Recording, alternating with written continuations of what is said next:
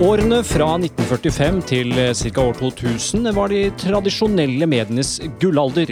I denne episoden spør vi hvordan pressen egentlig kunne fungere som en fjerde statsmakt, når staten hadde monopol på TV og radio, og avisene var så partilojale at de rett og slett ble omtalt som partipressen. Med meg for å svare på dette har jeg professor i statsvitenskap Øyvind Østerud og Henrik Grue Bastiansen, professor i medievitenskap ved Høgskolen i Volda. Velkommen eh, hit. Mange takk. Takk for det. Det har blitt sagt om eh, Danmark-Norge på 1700-tallet at jo viktigere en nyhet var, jo mindre var sannsynligheten for at den kom på trykk. Det kan vi si endret seg radikalt. Eh, Henrik, når fikk vi en kritisk presse her i Norge? Det er i tiårene etter 1814 at vi får et gjennombrudd på norsk for en kritisk presse. 1820-årene, 1830-årene, 1840-årene. Da blir journalistikken det. Og grunnen til det var at alle aviser, bortsett fra regjeringens egen, var opposisjonspresse. De var motstander av unionen med Sverige og av svenskekongen, og dermed av regjeringen. Sånn at uh, Vi skrev kritisk. Skuffelsen over at Norge ble tvunget inn under Sverige, den artet seg som en fremvekst av en norsk kritisk pressetradisjon i tiårene etter 1814. Så vi må faktisk 200 år tilbake i tid for å finne røttene til den kritiske holdningen i norske aviser. Eh, Øyvind, fra et statsvitenskapelig perspektiv, hva er jobben til en fjerde statsmakt?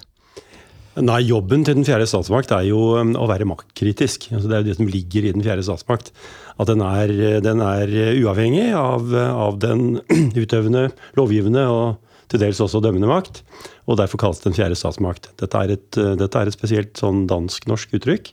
Brukes ikke så veldig mange andre steder i verden uh, om, om, om, om pressen som en statsmakt. Men det er uavhengigheten og den kritiske holdningen til de som sitter i maktposisjon. Det er det som er utgangspunktet for, for uttrykket. Men Spiller ikke pressen en tilsvarende rolle som dette i andre land jo også? Da, Hvorfor har ikke de mye, tatt opp det absolutt, begrepet? Veldig mye av den samme rollen. Det er, bare, det er, det er, liksom, det er forestillingen om pressen som en, slags, som, som en statsmakt som er, som er, litt spesiell. Eh, det var en, det mer som en del av det sivile samfunn, kanskje i, i, mange andre land. Oppfattes eh, mer på den måten. Del av organisasjonsvesenet og det sivile samfunn. Mens i Norge så har en brukt dette uttrykket. Fjerde statsmakt. Ja, for De yngre lytterne vi er kanskje ikke så kjent med dette begrepet partipressa. Når var det det vokste frem og hadde sin storhetstid? Ja, Først kan vi jo begynne med fremveksten. Det er grovt sett perioden fra 1880 til 1920 og kampen om parlamentarismen i 1884, med, frem, med, fremveksten av Venstre og Høyre som de to første partiene, det var jo helt avgjørende. Så fikk vi da aviser som delte seg tilsvarende, så vi fikk en venstrepresse og en høyrepresse fra 1884. Og tre år etterpå fikk vi den første arbeideravisen, Vårt Arbeide, som da støttet Arbeiderpartiet. Og så rundt 1920 fikk vi da en bondepresse som støttet det som het Bondepartiet, og som senere skiftet navn til Senterpartiet. Og disse fire gruppene ble de bærende av partipolitiske grupperingene i norsk presse. Høyre, Venstre, Arbeiderpartiet og, og Senterpartiet. Fremveksten da fram til 1920 ble da avløst av en nedgang og vanskelige økonomiske forhold fram til 1940. Så ble partipressen forbudt under krigen, og så kommer det til 1945, og da, med freden, så gjenoppstår jo partiavisene. Og da går vi inn i partipressens glanstid etter krigen. Fra 1945 og fremover til 1972. Men Hva er det som avgjør om en avis er partisk, altså en del av partipressen? Er det, er det, eierskap, eller er det liksom bare innhold, eller at det er liksom bias i måten de eh, presenterer sakene på? Ja, det er litt forskjellig fra uh, avisgruppe til avisgruppe. Uh, mest typisk for partiavisen som fenomen var nok arbeiderpressen, for der var det Arbeiderpartiet og LO som eide avisene. Og redaktøren i Arbeiderbladet f.eks. ble jo valgt på landsmøtet i Arbeiderpartiet.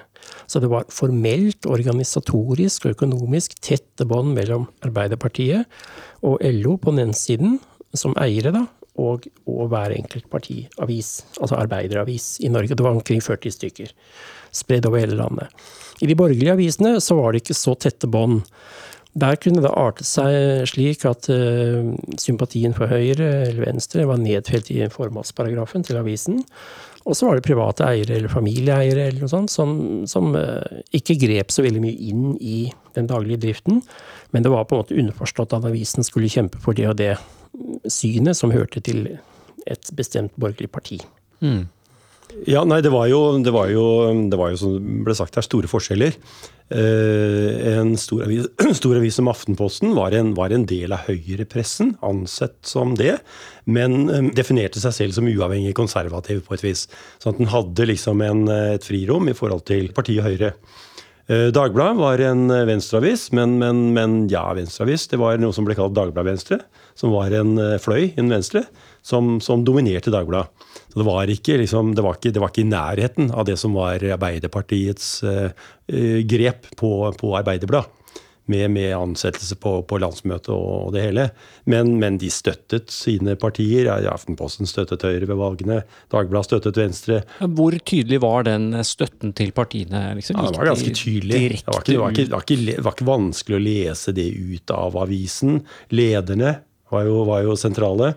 Eh, og, og, en annen ting som er, som er uhyre karakteristisk for, for perioden under partiavisene var på sitt mest dominerende, fra 45 til begynnelsen av 70-tallet, var jo at de skrev lange politiske referater.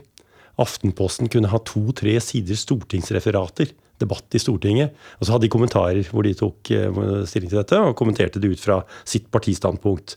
Og, og tilsvarende med mange andre aviser. Så de var jo veldig tett oppe i den politiske debatten, og en, på mange måter en slags forlengelse av partienes arbeid i mye større grad enn vi er vant til. Ja, Hvis jeg kan legge til noe der, så vil jeg si litt at uh, det var ikke noe skille mellom partiarbeid og avisarbeid.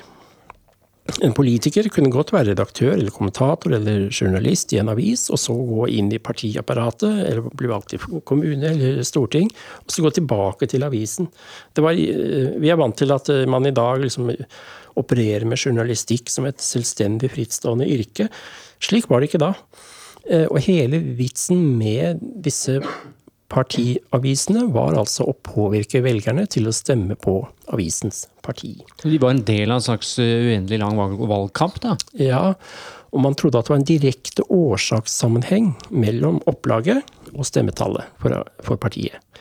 Slik at et parti som ikke hadde en avis på et utgivested var jo da redd for påvirkning fra de andre eh, partienes aviser, og måtte da liksom sette i gang eh, for å starte en avis på det stedet. Og motpartens aviser har gått frem eller tilbake, og vår har gått frem. ikke sant? Altså, Man trodde at det var en direkte årsakssammenheng. Nei, noe av det som var, dette er, jo, dette er jo treffende, og noe av det som var bakgrunnen for det, er at velgerne var også mye mer pålitelige og stabile. Eh, mange velgere ble født i Arbeiderpartiet og døde i Arbeiderpartiet. Og mange velgere var, var født i en Høyre-familie, og de døde i en Høyre-familie. Så de var, de var, mye mer stabile fra valg til valg. Det var, mye, det var, mange flere som var medlemmer av de politiske partiene. Større andel av velgerskaren var medlemmer av partier. Og, og, og velgerne var mer trofaste. Så det var et visst grunnlag for å tro dette. Og så hadde de en partipresse som understøtter det, som appellerer til, til sitt partis velgere. Og, de, og de kjente dem igjen. De visste hvem de var. Og det er jo dette som sprekker rundt 1970, eh, begynnelsen av 70-tallet. Men jeg bare lurer På altså, da, på 50-60-tallet, når vi har denne eh, pressen som er så nært knyttet opp til partiene, altså, gir det noe mening å si at vi da hadde en fjerde statsmakt? Skal, statsmakt ja. må jo være uavhengig. Dette er jo total avhengighet. Ja, det gir en, jo, det gir en viss mening fordi du hadde, spenn, du hadde, du hadde vingefanget mellom pressen med ulike tilknytninger. Og de var i første rekke kritiske overfor andre partiers velgere og andre partiers regjeringer. Så overhodet sånn ikke objektive, nei, altså, men nei, likevel kritiske? Varierte jo litt. varierte jo litt. Altså, en avis som Dagbladet var jo litt sånn, det var, det var mange kanarifugler under taket i mange aviser. Så det var, ikke, det var ikke helt massivt. Men, men, men, det var en betydelig grad av lojalitet til partiene. Og hvor mye av det kritiske kom i forhold til andre aviser, andre presseorganer, andre politiske ledere enn ens egne. Det var ikke noen motsetning mellom det å være partipresse og det å drive kritisk journalistikk. De drev bare kritisk journalistikk om, om, alle de andre partiene, og ikke eget parti. Altså, Redaktørene i disse avisene de elsket jo å hudflette sine motparter. De frydet seg jo mer edder og galle de kunne utøse over disse idiotene i de andre partiene, som ikke hadde skjønt hvor fine løsninger vårt parti hadde funnet ut. ikke sant? Altså, man kunne nesten undre seg over hvor mye adrenalin de har fått ut ved å, å være redaktører i partiaviser. Ja. Men det betyr jo samtidig at eh, pressen ikke jagde i flokk. Som, som vi er blitt vant til at de gjør. Du hadde ikke liksom mediedrevet i samme retning. Det var en mye større grad av, av kamp på tvers. Hvor eh, avisene var rykende uenige og, og hudflettet motparten og, og forsvarte sine egne. Mens du etter oppløsningen av partipressen i mye grad fikk en helt annen situasjon. Hvor, hvor, avisene kunne være samstemte, de kunne jage i flokk, de kunne ha en helt annen trøkk i samme retning. Ja, det hadde du ikke. Eh, avisene er jo én ting, men det virkelig nye i etterkrigstidens eh, mediehistorie er jo radio og TV. Eh, hadde de noen rolle her som en eh, fjerde statsmakt, en kritisk eh, presse? Noe, noe, av som, noe, av det som, er interessant med det, er at Høyre var jo imot NRK-monopolet helt fra starten. Og de var kritiske sammenhengende fra begynnelsen i 33 og fremover. Eh, og det er en, det er en situasjon som altså, NRK Da Carl I. Hagen kalte NRK for ARK ja, Når, når kalte han det egentlig? Ja, altså 80-tallet. Okay, ja. 80-tallet utover for alvor. Da, liksom, da de, Arbeiderpartiets ja, rikskringkasting, altså. Ja. Men, men, dette var ikke noen ny tanke for høyrefolk.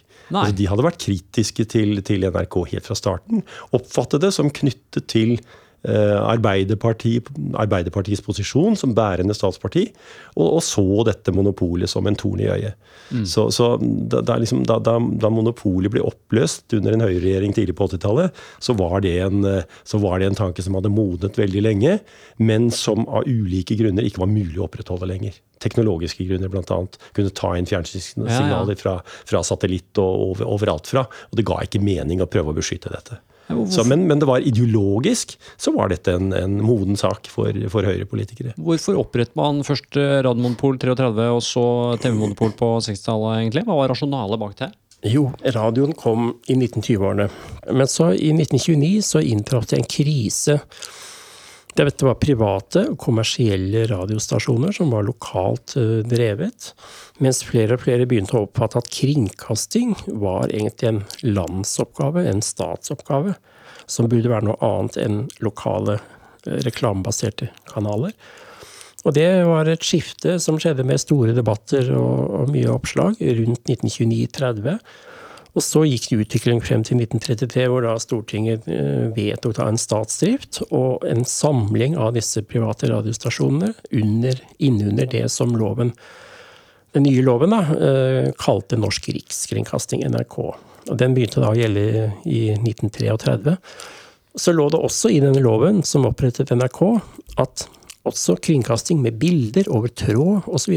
lå innenfor NRKs virke. Altså Det var en selvfølge når TV-en kom at den skulle inn under det monopolet? Ja, altså man visste om fjernsyn i 1933. Det var eksperimenter i London og forskjellige ting. Avisene skrev om dette. Så man visste at fjernsynet ville komme i fremtiden. Så loven og lovgiverne var såpass forutseende at de la fjernsynet inn under NRK helt fra starten. Men Var dette monopolet i dine øyne var det et, eh, noe som forhindret at eh, mediene spilte en enten eh, objektiv eller litt kritisk rolle? Jeg tror man må skille mellom radio og TV på den ene siden, og, og presisere hvilken periode man snakker om. Hvis vi tar perioden fra 1945 og fremover, som vi snakker om i denne podkasten, så var radioen det store samlende medium. Det var én radiokanal for hele folket. Og det var aldri før eller siden har én kanal hatt hele folket som publikum. Mm.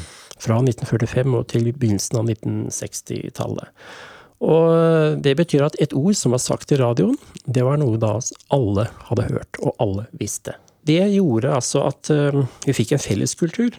I ettertid, i dag, så kan vi jo se at Torbjørn Egner, Alf Prøysen, Anne-Cath. Vestli, ja, de kom jo i radioen med Barnetimen akkurat i disse årene. Det er derfor de er så kjente. Det har vi en tendens til å glemme. De var radiofenomener i radioens monopoltid. Mm. Så radioen bidro til å samle landet. Eh, alle hørte det samme, og til å knytte oss ulike landsdeler sammen, lytterne sammen i et usynlig fellesskap. Et slags eh, stødig fyrtårn i et virvar av eh, partiske aviser. Men var det noe kritisk innhold her, eller var det mer sånn opplysende godslig barne-TV? Det var lite kritisk journalistikk i norsk radio i 50-årene og slutten av 40-årene. Det, det, er den store samlende radiokanalen vi snakker om her, med, med, et lett, kanskje etablert preg, da. Så kommer fjernsynet i 1960, da det åpnet. Og eh, så ble det plutselig konkurranse mellom radio og TV. Og folk elsket dette TV-mediet helt fra starten. Og gradvis utover på 60-tallet så ser vi at journalistikken i fjernsynet begynner å bli mer kritisk. Til å begynne med var den høflig og, og distansert og, og, litt reservert. Man sa de til hverandre og, og sånn. Eh, men utover på 60-tallet så ser vi en fremvekst av en revolverjournalistikk som var inspirert av svensk TV og dansk TV og engelsk og amerikansk TV, hvor de gikk mye lenger. Per Øyvind Herastveit i Dagsrevyen Eh, var en som sjokkerte seerne ved å gå direkte på sak og spørre eh, politikere om kontroversielle ting. Og det, det, var ikke ventet på den tiden at en journalist skulle ta opp nye ting, introdusere kontroversielle ting som ikke lå i saken fra før. Det gjorde han. Og det som, er, det som er veldig spesielt ved det, som er uvant for oss, det er i dag, det er jo at eh, dette var en samlende offentlighet. Dette var noe alle fulgte med på. Og, og i tillegg så hadde jo NRK, for å, for å, for å beskytte sin monopolsituasjon på et vis. De hadde jo også en avtale med, med, de andre partiene. At når det var partidebatter, så fikk de nøye utmålt taletid. Ja, når begynte vi brukte, på partidebatter? Ja, nå, ja, Med fjernsynet kom det jo for fullt. Ja. Eh, 60-tallet utover. 60-70-tallet. Eh, men, men, men før, lenge, lenge, før oppløsningen av, av fjernsynsmonopolet og lenge før oppløsningen mm. av partipressen. Og det, var, og det, var, nøye regulert. Programlederne satt med stoppeklokke. Og, og det, var, det, var, klare regler for både taletid og, og rekkefølgen mellom partiene, og alt dette var, var veldig nøye regissert. Eh, vi har eh, pekt litt på det her allerede, men det skjer jo da på 70-tallet. Eh, ikke bare så begynner dette TV- og radiomonopolet å slå litt sprekker, eh, men partipressa forsvinner også. Eh, hvor blir partipressa, Henrik? Ja, hvis jeg skal knytte det litt først an til det vi nettopp har snakket om, så er det en veldig viktig ting som skjer like før partipressen begynner å forsvinne, og det er nettopp innføringen av fjernsynet. Og eh, hver gang fjernsynet hadde partipolitiske sendinger, slik som valgsendingene og Kings Bay og sånne ting, så var partiavisene eh, helt med, altså med spissede ører, fordi de så nå at fjernsynet eksponerte talere fra alle partier og behandlet dem likt. Det hadde ikke partiavisene gjort. For en partiavis så var motstanderne idioter, ikke sant? TV-seerne kunne se at eh, politikere fra alle partier var fornuftige. De hadde rasjonelle argumenter, de var uenige. Men, men det var ett argument, det var et annet argument. Fjernsynet behandlet dem likt. Så for partiavisene så ble det da viktig å kontrollere fjernsynets effekt på velgerne. Og hvordan skulle de gjøre det? Jo, de måtte jo omtale disse sendingene, valgsendingene særlig, men også andre. Og så måtte de farge inntrykket av disse sendingene slik at de var i favør av eget parti. Men Hvorfor funka ikke det? Hvorfor endte det med, med at, de, at de forsvant? Jo, eh, dette gjorde de da utover 60-tallet. Og eh, partipressen da ble på en måte mer og mer utfordret av fjernsynet ettersom flere og flere seere kom til. Eh, på rundt 1970 og fremover så var jo nesten hele landets befolkning blitt til TV-seere. Fjernsynet var da landets største massemedium. Så kom vi til 1972, og der, det er det store skillet. For da vi, kommer EF-striden, striden om norsk medlemskap i EF, eller EU som det heter nå. Og det ble et vannskille også for partipressen. Det som er eh, interessant med, med EU-striden, er jo at den, den, rystet velgerne løst fra sine partier. De stemte til dels på tvers av partiledelsen. Eh, mange Arbeiderparti-velgere stemte mot medlemskap i EU, til tross for at ledelsen var klart for. Eh, mange innenfor andre partier også var, var illojale mot partiledelsen. Og velgerne, det var, dette, var liksom, dette var toppunktet, startpunktet for at velgerne kom på vandring på en annen måte enn før. Og, og EU-saken var, var, startskuddene for den prosessen. Og, og, det ble jo bare verre utover på, utover på 70-tallet, hvor velgerne ble mer troløse, rett og slett. Og fikk et gap da mellom eh, velgere mellom, og ja, mediene? Ja, du fikk et gap mellom, mellom, mellom, partienes tradisjonelle velgere og lederskapet, og dermed også mellom velgerne og, og, og. Og, og, redaksjonene i partiene, i partipressen.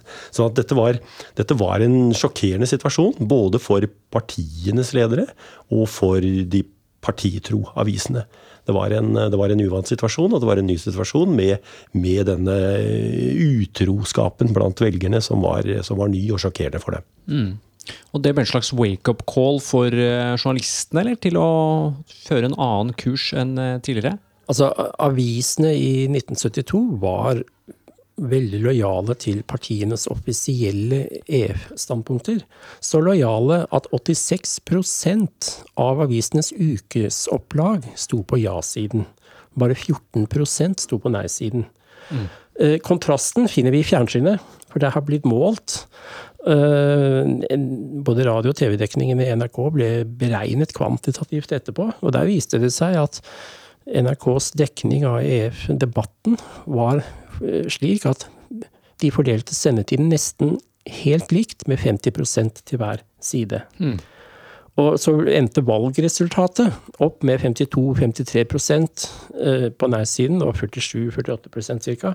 Altså en 2-3% over og under. ikke sant? Mm. Sånn at TV-dekningen i NRK kom faktisk veldig nær avstemningsresultatet i folkeavstemningen. Mens pressen skilte seg veldig fra valgresultatet. Og etterpå dette, etter at dette hadde skjedd, så begynte pressefolk da å si at vi kan aldri mer stille oss i motsetning til flertallet av leserne. Og Det gjorde at fra 72 og fremover så ble det konflikter mellom avisene og partiene i alle disse fire gruppene. Og det er starten på sammenbruddet for partipressen. Nei, det var jo, det var jo et avisopprør Eh, i kjølvannet av EU-saken. Men det som også er interessant, er at nei-siden hadde jo et, et, helt sentralt organ i Dagbladet. Som var nei-avis på det tidspunktet, og var en slags uh, banefører på pressesiden for, for nei-argumentene. Nei-argumentasjonen. Men så skjer da det paradoksale at det partiet som, som sprekker i kjølvannet av EU-striden, det er nettopp Venstre, som, som Dagbladet sto nær. Og dermed så har, så har også Dagbladet et kjempeproblem. Og Venstre har et problem. For det er, det er, plutselig to partier som står på hver sin side. Og så, og, så, og så, mister de også noe av denne effekten ved å ha vært eh, liksom et, et, slags sånn balanserende element i pressebildet. Og, og, dette blir også et problem for, for Dagbladet og for Venstre i kjølvannet av denne striden. Så det var, det var, jo de politiske rystelsene som gjorde at avisopprøret kom. Altså Dette høres eh, fantastisk ut. Altså Her får vi en, en, uavhengig presse. Vi får også opphevelse av eh, både radio- og TV-monopol, så vi får mer mangfold, om du vil. Eh, er ikke det, var, var ikke det helt fantastisk jo, for det, i jo, jo, det er jo det som er det interessante spørsmålet, da, og det åpne spørsmålet som har vært stilt ofte. Får vi mer mangfold? Eh, mange, mange, har sagt, og med betydelig rett, at nja, avisene ble mer like hverandre. Eh, de, de, fikk noe av den samme rekrutteringen til journalistyrket ble, ble, ble, mer lik. De hadde mer eh, samme bakgrunn. De utviklet en ideologi, en felles ideologi, som ble kalt for journalismen i kjølvannet av oppløsningen av partipressen, som betyr at nei, vi skal være maktkritiske, men vi skal heller ikke lefle med, med, folkets smak i alle saker. Vi skal være antipopulistiske, som det heter i dag. Og, og, og, liksom, og dette var, dette var en, en, felles oppfatning som gjorde seg gjeldende i alle avisene. Og så fikk en da denne endringen i partipolitisk rekruttering, hvor det har vært gjort studier som viser at tre fjerdedeler av journalistene i norsk presse er, er sentrum-venstre eh, stemmer. Så Nei, kan også si på mange måter at mangfoldet ble mindre. Fordi de i større grad ble lik hverandre. De konkurrerer om de samme tingene. De trekker i takt. Og de blir mer personfokusert enn de tidligere var. Fordi de ikke lenger har som forpliktelse å formulere langsiktige alternativer. Referere fra stortingsdebatter de blir mer dagsaktuelle, og de blir mer personorientert. Og det var felles for, for alle. Ja, Henrik, partipressen, var den mer demokratisk? Og mer mangfold? Ja, i mitt, min egen forskning som, eh, så kom jeg også til de samme konklusjonene som eh, Øyvind Østerud sier her nå. Jeg har skrevet en artikkel om dette som heter eh, 'Fra konflikt til konsensus'. Altså, Partipressen bygde jo på, på, prinsippet om at det var konflikt mellom ulike samfunnssyn. Grunnleggende uenighet om hvordan, hvor vi skulle hen. Hva som var bra for samfunnet fremover. Det var mellom folk flest, det var mellom partiene, og det var mellom avisene. Så egentlig var det borgerkrig mellom avisene fra dag til dag. Og under partipressen så artet dette seg slik at det var et grunnleggende skille mellom regjeringspressen på den ene siden og opposisjonspressen på den andre siden. Opposisjonspressen drev jo kritisk journalistikk hele tiden på, på regjeringen, på hva den gjorde, og på regjeringens presse. Uh, mens regjeringens presse, altså avisene til de partiene som satt i regjeringen, forsvarte, eller fikk til oppgave å forsvare den sittende regjeringen. En, en, statsråd som hadde gjort noe dumt, fikk et forsvar i egen presse, og ble angrepet av motpartens presse. Når partipressen forsvant, så forsvant også det skillet. Alle går i opposisjon, alle kritiserer en statsråd som har dummet seg ut. Ingen tar vedkommende i forsvar. Nei, dette er, jo, dette er jo, veldig slående. Og det, det betyr også at politikere, embetsverk, alt som drev med politikk profesjonelt, de får brannslukking som en helt sentral oppgave. Branner som pressen har tent eller gravd frem. Så brannslukkingen blir helt sentral. Og, og, og, politikerne går i en evig uro for hvilken sak kommer opp nå i vårt parti. Og det, det, det har jo sammenheng med at veldig mye av veldig mye av eh, mediestormene var, var en slags jakt på enkeltpersoner. Konkrete personer. Altså det, var, det, var, det var Tore Tønne-saken, og det var eh, stormen mot, Jagland, og det var eh, Trond Giske eh, nyligere. Og, det liksom, og dette, er, dette, er, drømmen for, for, for, en journalist, for en avis. Eh, finne, finne liksom den store personskandalen som, som virkelig gir gjenklang. Og, og der er de like, i mye større grad enn de var i partipressens tid. Mm. Men da er vi litt på vei tilbake til altså Du sa fra konflikt til konsensus. Det snakkes jo mye nå om skepsis til mainstream media og polarisering. og Er vi på vei tilbake til konflikten? Jeg har blitt spurt mange ganger de siste ti årene om er partipressen på vei tilbake. Og eh, mitt svar er at nei, den er ikke det. For partipressen var et eget system den hadde et organisatorisk apparat som vi ikke har snakket så mye om her, men det var masse forskjellige organisasjoner med årsberetninger, regnskaper og disponenter og alt mulig. Alt det forsvant. Den hadde den daglige partijournalistikken i spaltene, kommentarer, lederartikler og fargede referater fra Stortinget. Alt det forsvant. Og så var det altså den innbyrdes debatten mellom partiaviser av ulik farge. Altså borgerkrigen fra dag til dag som man utkjempet, ikke sant. Den forsvant også. Og når man spør i dag om ja, er partipressen på vei tilbake, så er den ikke det i den forstand at disse tingene kommer ikke tilbake. Mm. Men det betyr ikke at ikke enkeltaviser kan begynne å flagge sine standpunkter tydeligere enn de har gjort i perioden siden For, for det har vi sett eh, nå nylig, har vi ikke det? Jo, og det er veldig interessant. Altså foran stortingsvalget i 2009 så skrev Dag, Dagsavisen en lederartikkel som de satte på førstesiden, hvor de anbefalte å stemme, nei, leserne å stemme rød-grønt. Altså på Stoltenberg-regjeringens eh, partier. Dagens Næringsliv skrev ved samme valg en, en leder på førstesiden hvor de anbefalte leserne å stemme på Høyre. Og Den type direkte oppfordring til eh, hva man skal stemme på, det har man ikke sett på en stund? Eller? Nei, det var jo også noe som kjennetegnet partipressen. Ja. Altså Stem Arbeiderpartiet i dag, stem Venstre i dag, i dag stemmer vi Senterpartiet. Altså Det var jo valgdagens hovedoppslag i partiavisene. Mm. Det var jo sånne ting. Men, men, men det som er den viktige forskjellen, det er jo at nå gjør de det uten forpliktelser. De gjør det fordi vi føler at dette er riktig akkurat nå. Eh, og, de gjør det i, i, lys av at noe av det viktigste som driver pressen, er, er eiernes krav til avkastning. Altså Det er jo helt sentralt. Og så har de noen oppfatninger som, som ligger i redaksjonen, og så kjører de det som en anbefaling ved, ved valgene det, dette, er jo, dette, er jo, kjent fra andre land også, sånn som britiske aviser som kjører ut sånne, sånne, ting. The Economist, som veldig mange i Norge leser, gjør akkurat det samme. Kommer med klare oppfordringer om hva de vil at den skal stemme. Men, men, det, men det, ligger ikke noen varig forpliktelse i det. Ved neste valg kan de si noe helt annet. Og, og det avhenger av hvordan de vurderer den aktuelle situasjonen, og hva avisen er tjent med akkurat nå.